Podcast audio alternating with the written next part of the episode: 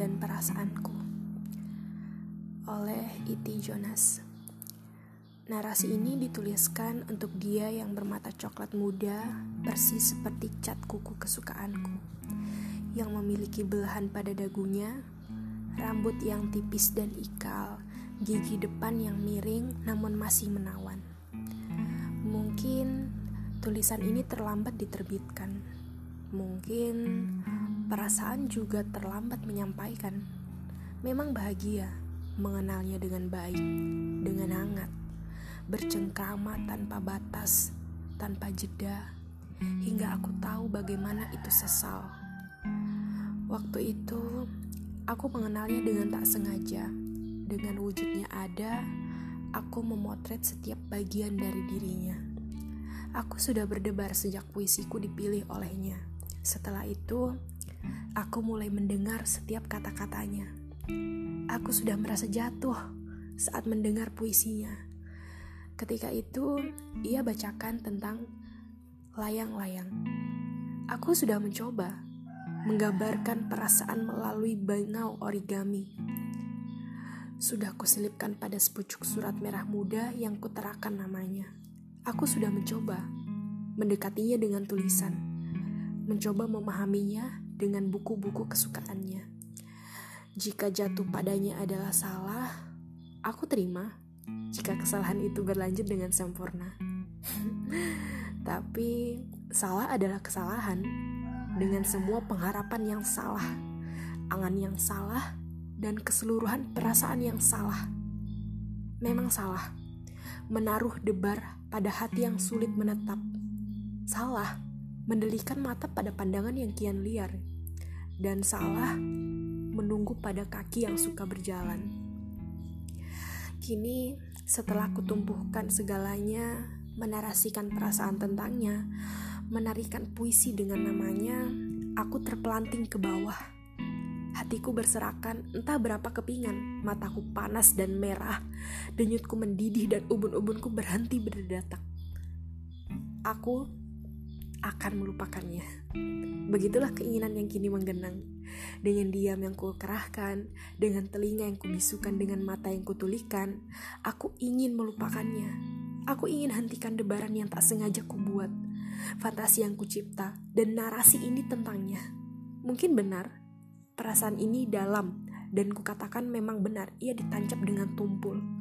Sekali lagi benar, aku padanya sungguh, tapi isi hatinya yang membuatku mundur. Perasaan ini benar dalam, tapi setengah aja tak kulebarkan. Memang benar ia dalam, tapi tak ingin kuleburkan. Tak ada alasan lain mengapa berhenti, selain takut pada diri sendiri, mengubur hati yang belum mati.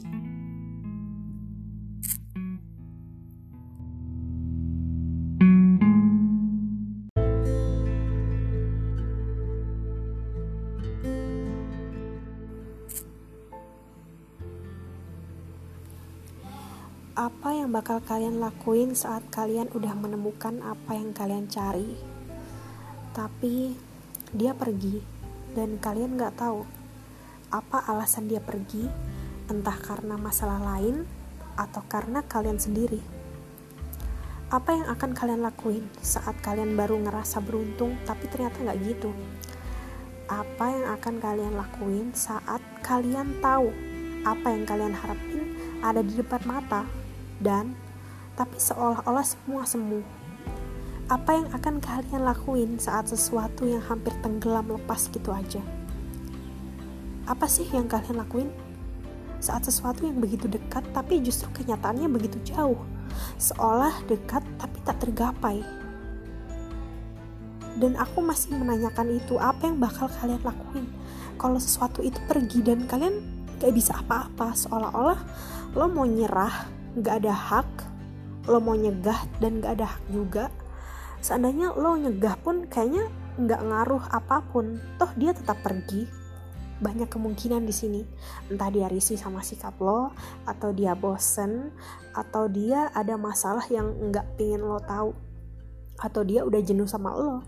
Atau dia emang ingin pergi aja pada dasarnya dari lo atau dia ingin nguji seberapa tahan lo dia di sana menunggu dia yang pergi atau nguji seberapa maukah lo nunggu sesuatu yang pergi yang belum tentu balik atau bahkan pergi selamanya.